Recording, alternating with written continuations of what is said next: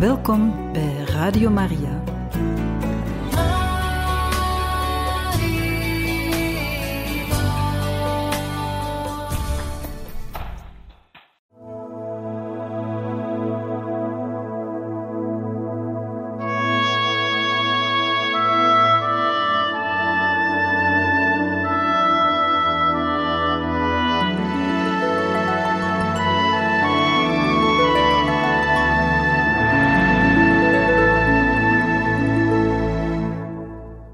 Damian is dus op weg naar Hawaii.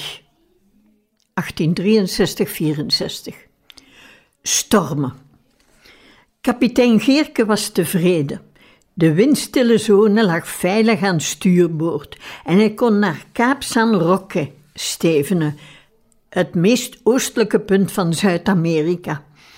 Een stabiele wind duwde hen voort en er was tijd om het verslag over Hawaii, dat hij elke reis opnieuw deed, voor te zetten. In het midden van de jaren 1840 begon de walvisindustrie terug te lopen. Er waren zoveel vissen geslacht dat men steeds verder weg van de eilanden op jacht moest. De meest voortvarende walvisvaarders trokken weg, want ook hun afzetmarkt zakte ineen. In de jaren 1850 had men een manier gevonden om paraffineolie en petroleumgelei te bereiden. Twee petroleumderivaten die constanter brandden en minder stonken dan walvisolie.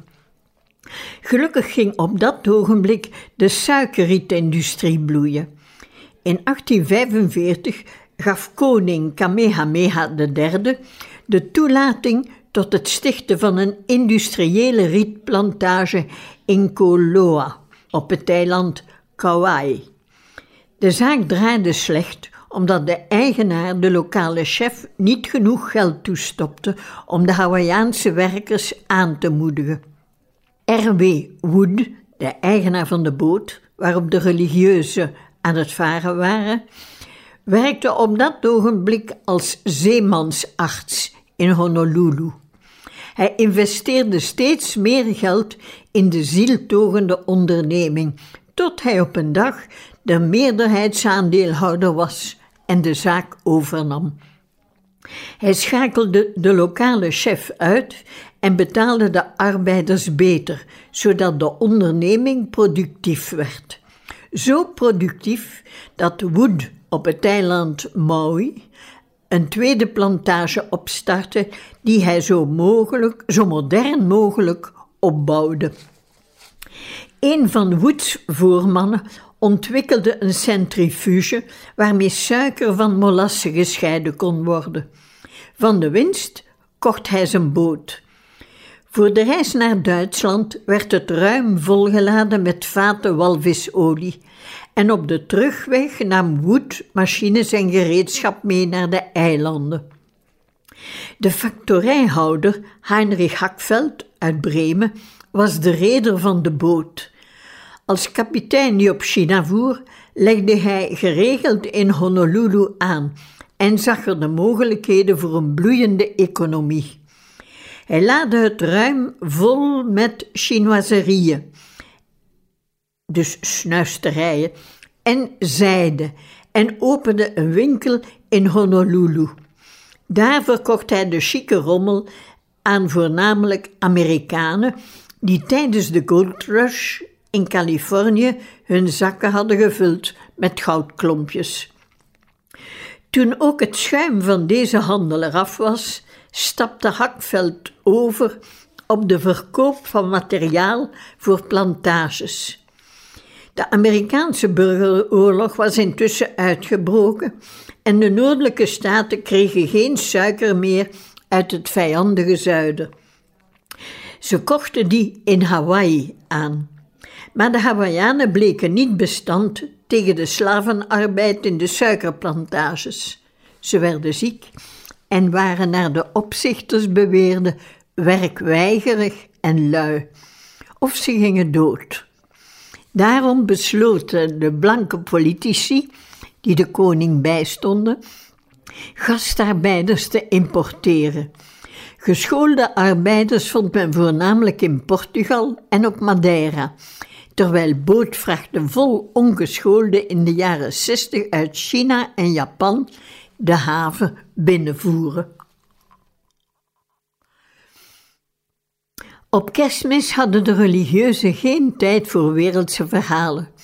Ze vierden de middernachtmis onder een heldere tropenhemel, de daglorenmis bij een schitterend opgaande zon, de dagmis met matrozen in het gebouw. Het was de tijd dat er op kerstmis nog uh, drie missen na elkaar gedaan werden, iets wat wij vandaag niet meer kennen. We gaan verder met de tekst. Ze zongen de hele dag en een paar zeelui neurieden mee. Damiaan kreeg hoop en vroeg hen naar hun religie. Maar de kapitein, die de hele zaak nauwlettend volgde, stopte het gepreek meteen. Damiaan kon maar beter naar de school walvissen kijken. Ze waren ver van de boot, maar je kon duidelijk de fonteinen zien. Ze deden Damiaan aan de fonteinen van Laken denken. De dag dat Damiaan de walvissen zag, bereikte de boot 53 graden zuiderbreedte. Het weer bleef mooi tot de zuidoostelijke passaatwinden plotseling naar oost-zuidoost draaiden. Het werd meteen een stuk kouder. Damiaan bleef zo lang mogelijk op het dek slapen om maar niet in de door stinkende kakkerlakken geïnfecteerde kajuit te hoeven gaan.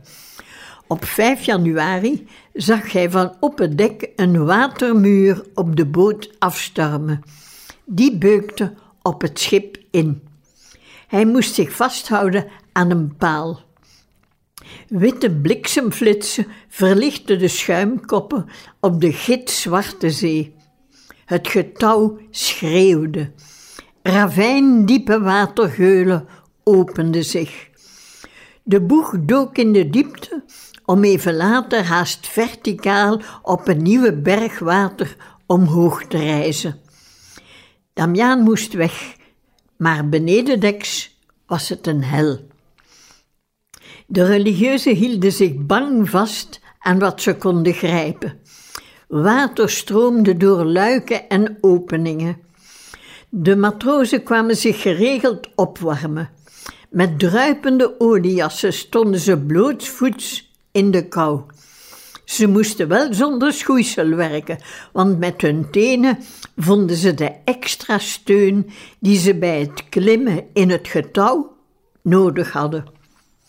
De storm duurde niet lang. Ter hoogte van de Falklandeilanden was de zee rustig genoeg voor Chrétien, die opnieuw een zware zeeziekte had doorworsteld om een herdenkingsmis op te dragen voor de Picpuspaters en zusters die begin 1842 vergaan waren met de Marie-Joseph, waarschijnlijk op deze hoogte. Ze waren het laatst gesignaleerd op een eiland voor de Braziliaanse kust, waar ze een zuster begroeven.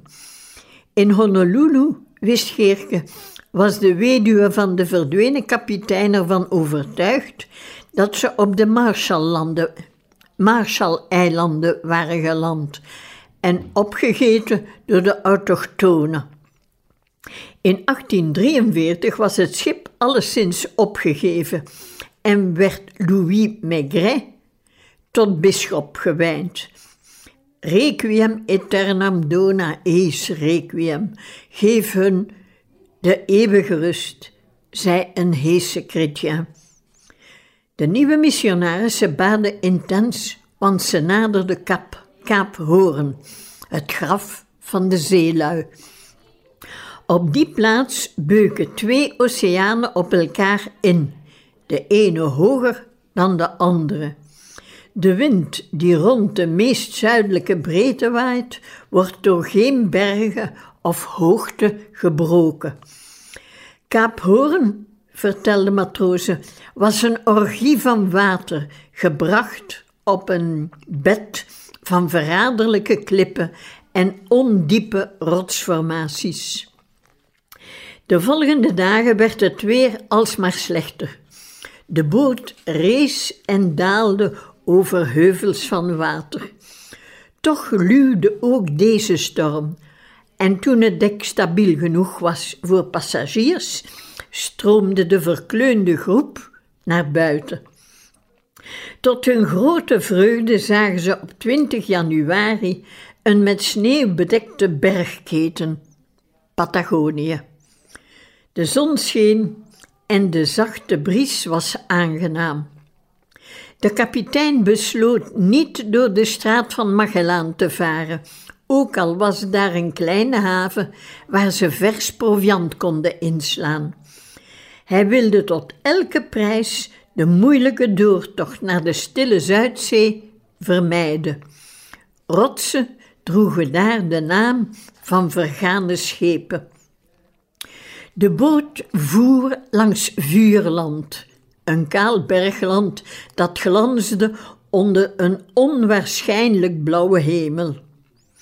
Guanaco's graasden op rosse weiden en albatrossen vlogen laag over toen ze de straat van Le Maire invoeren. Kaap Hoorn ronde bij schitterend weer was een door God gezonde zegen, vonden de passagiers. Kapitein Geerke bleef wantrouwig. Hij liet voortdurend alle afsluitingen, katrollen, masten en zeilen controleren en bleef de hemel met zijn verrekijker afzoeken, al leende hij die soms aan een passagier, zodat die de pinguïns op het strand kon zien. De kapitein was aan dek toen hij wolken op de boot zag afstormen en een op hol geslagen zee zag schuimen. Hij beval luid en hard en orde, orderde alle passagiers naar beneden.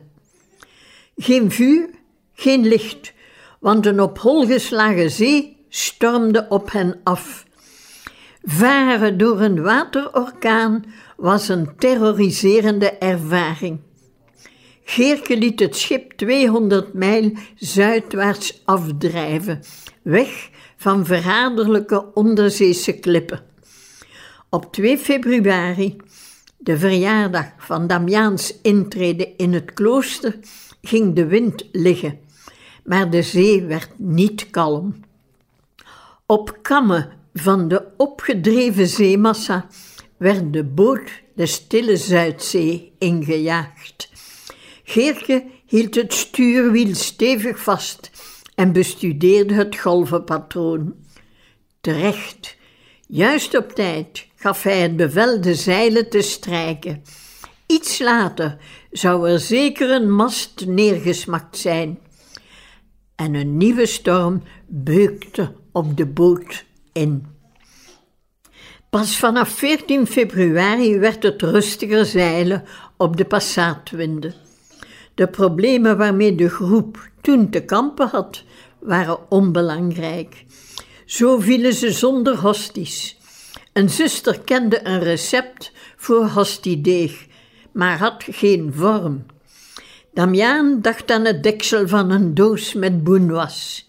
Het werkte, al hadden de hosties wel een bijsmaak.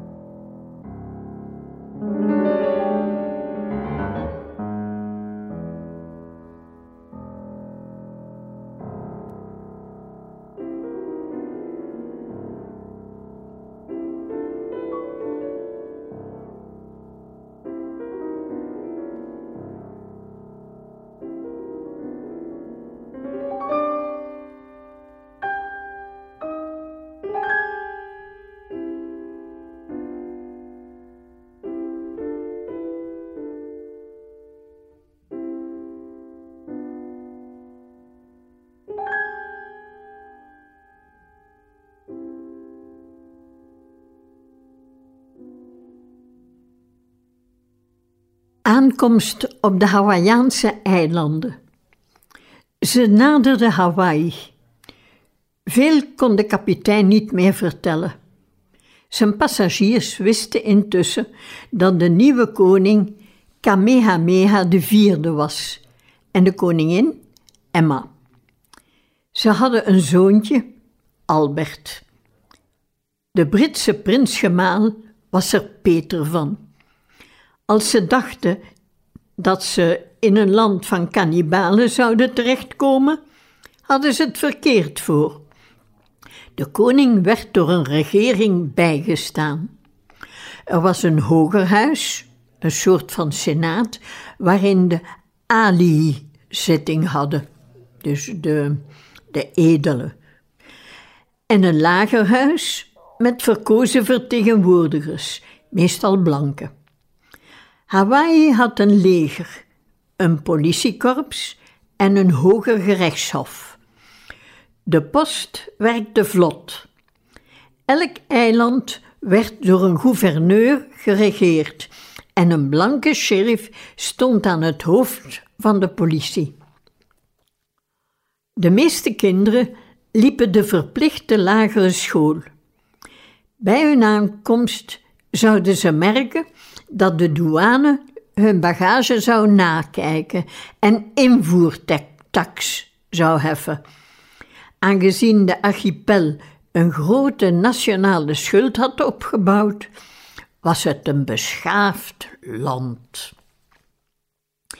Geleidelijk aan groeide aan boord de droom van fris fruit, vers vlees, niet langer gepekelde toestanden.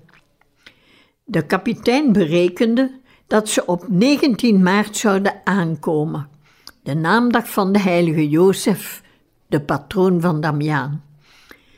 Op 17 maart zagen ze een wolk drijven over het water. Die wolk werd een eiland.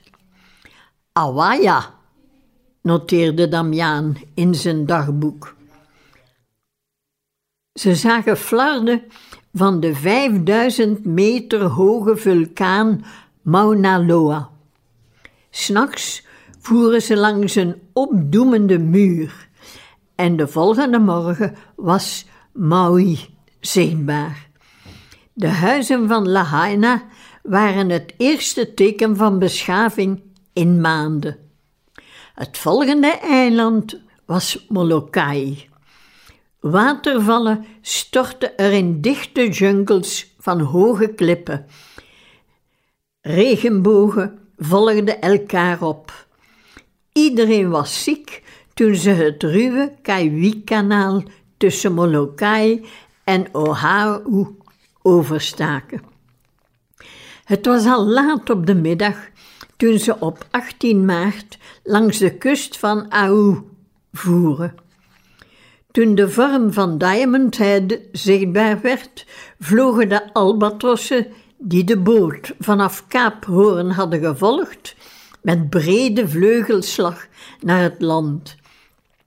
De zeelui heesten de Hawaïaanse vlag en toonden dezelfde kleuren op de gaffelmast, ten teken dat de R.W. Wood was teruggekeerd.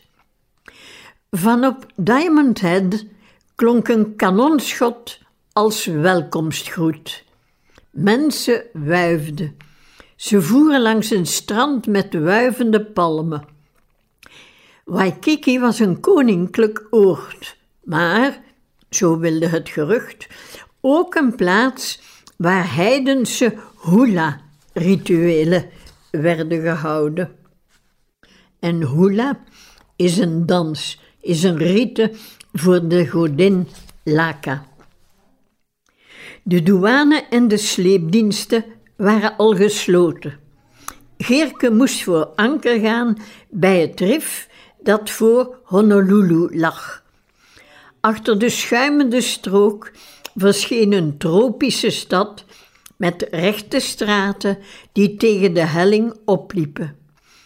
Ze bewonderde de zonsondergang op zee, die de stad goud kleurde, en ze gingen slapen. Op 19 maart zouden ze landen.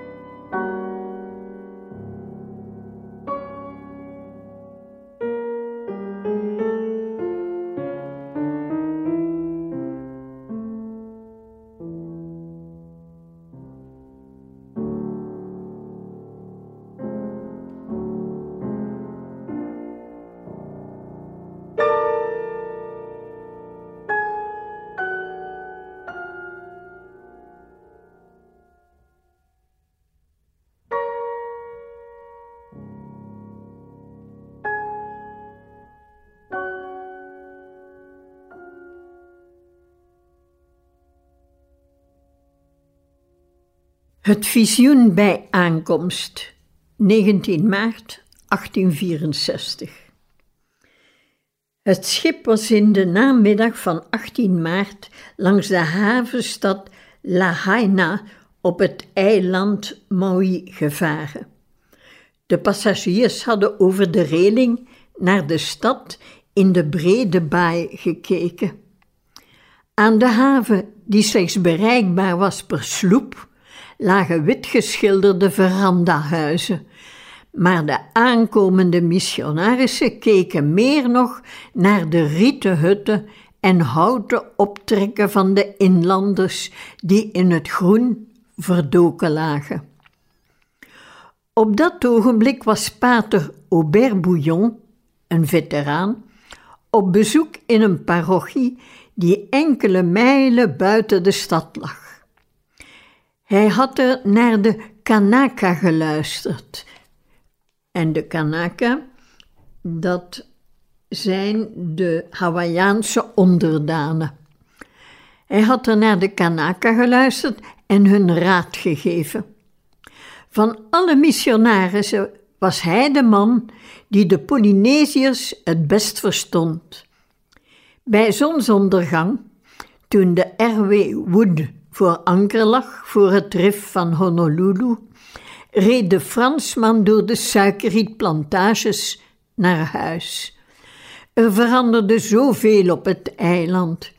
Japanse vrouwen in kimono liepen op ingebusselde voeten in kwakkelpas langs de weg. Vrouwen uit Madeira beschermden zich tegen de zon met een rieten hoed die leek op een neerstrijkende vlinder. Voormannen riepen naar Chinese coolies Portugese bevelen, terwijl de opzichters Amerikanen waren. Toen hij de inlandse wijken rond La Haina binnenreed, deed hij zijn paard vertragen. Mensen zaten voor hun hutten te koken, te praten, te dutten. Aubert hield van de korte naweeën van de dag, want in de tropen viel de nacht snel. Hij stapte af voor zijn nieuwe houten kerk en leidde zijn paard naar de wei. Hij had weerom tevergeefs gehoopt dat de wankele pater Grégoire Archambault, een ziekelijke veteraan, de trog gevuld zou hebben.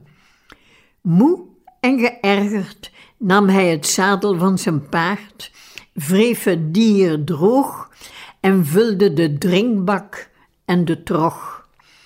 Hij wist nu ook zeker dat Grégoire niet gekookt had en hij had honger.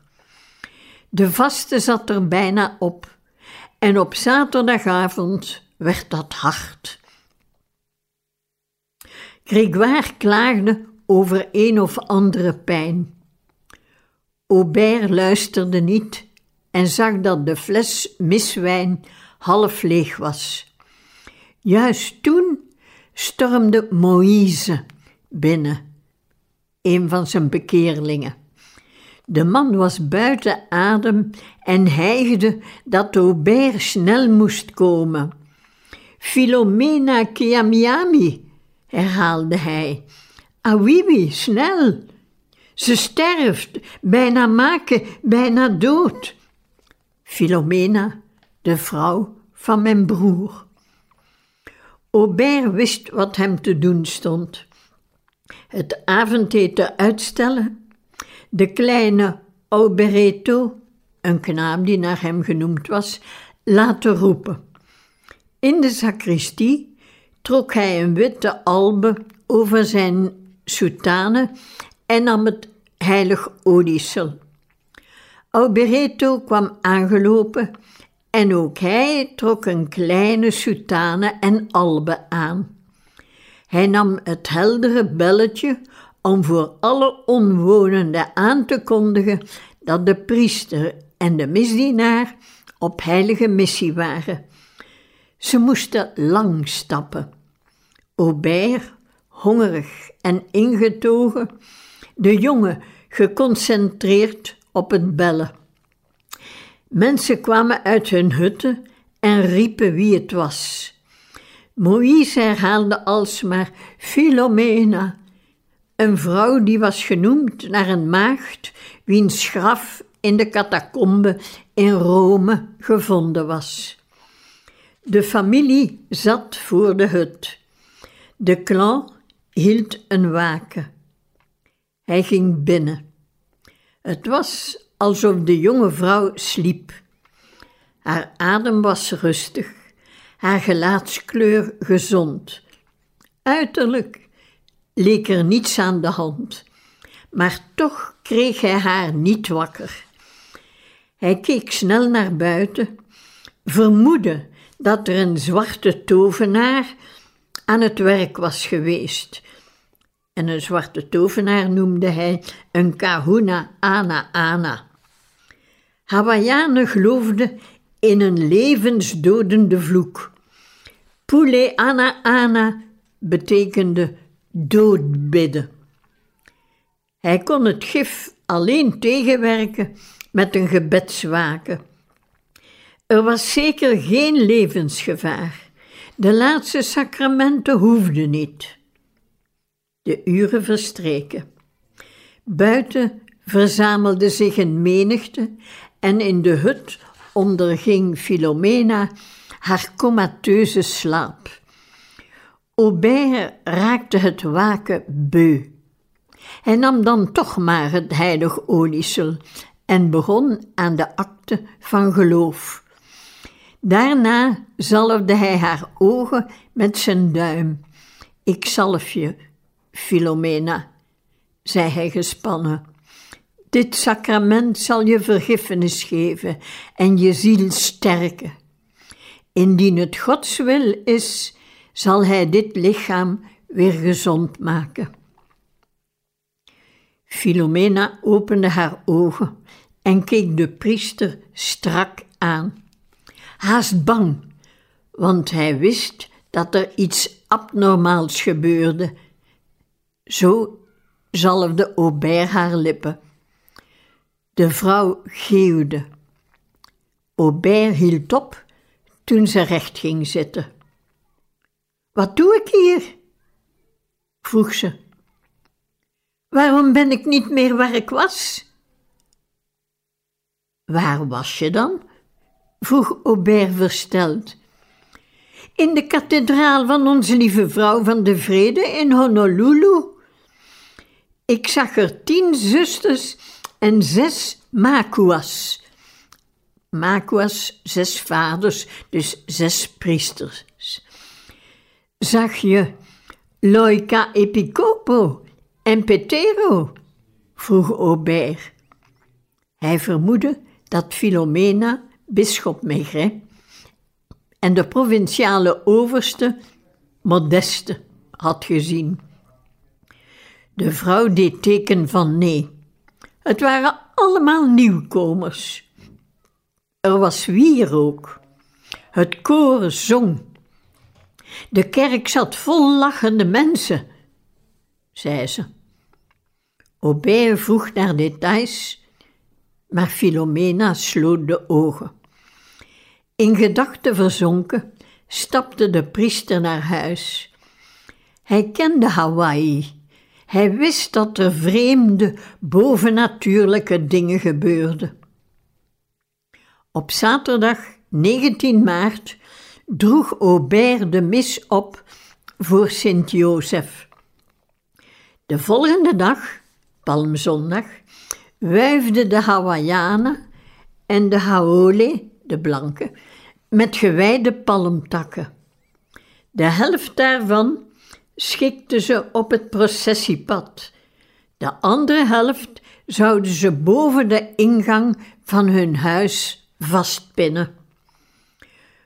Aubert en Grégoire zaten net aan tafel toen een bezoeker die pas uit Honolulu was aangekomen binnenviel. Hij had nieuws. Er waren tien zusters en zes paters aangekomen. Aubert sloeg bleek uit. Hij vroeg: Was er een tedeum in de kathedraal? De man bevestigde dat. Hij wist ook dat bisschop Maigret niet aanwezig was. Volgende keer gaan we verder met de priesterwijding in Honolulu.